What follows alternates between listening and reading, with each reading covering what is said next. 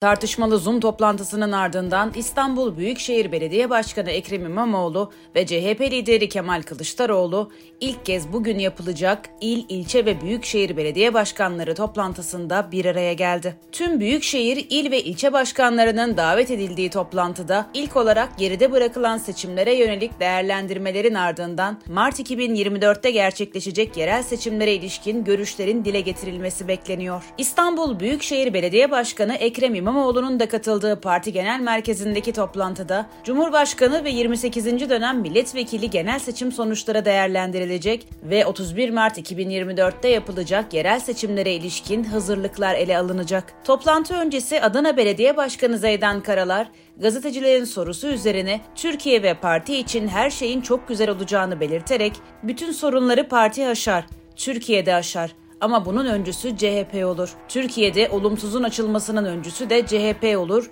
her zaman olduğu gibi dedi. NTV'nin aktardığına göre çarşamba yapılan Merkez Yönetim Kurulu toplantısına katılmayan CHP Grup Başkanı Özgür Özel ile Ekrem İmamoğlu'nun çevrim içi toplantısına katılan diğer parti meclis üyelerinin pazar günü yapılacak toplantıya tam kadro katılmalarına kesin gözüyle bakılıyor. Toplantıdan çıkacak kararlarsa kritik önem taşıyor. Genel merkez tarafından görevden alınan il ve ilçe başkanları için oylama yapılacak. Eğer göreve iade yönünde karar çıkarsa bu İmamoğlu'nun parti meclisi üzerindeki etkisini yansıtacak. Öte yandan Kılıçdaroğlu'nun başkanlara ittifak ilişkilerine dikkat edilmesi gerektiği konusunda uyarılarda bulunacağı dile getiriliyor. Ayrıca parti kulislerinde belediye başkanlarının toplantısında İmamoğlu'nun 29 Mayıs'ta başlattığı değişim çağrısını sürdüreceği ve herhangi bir duraklama ve geri adım atma durumunun olmayacağı konuşuluyor.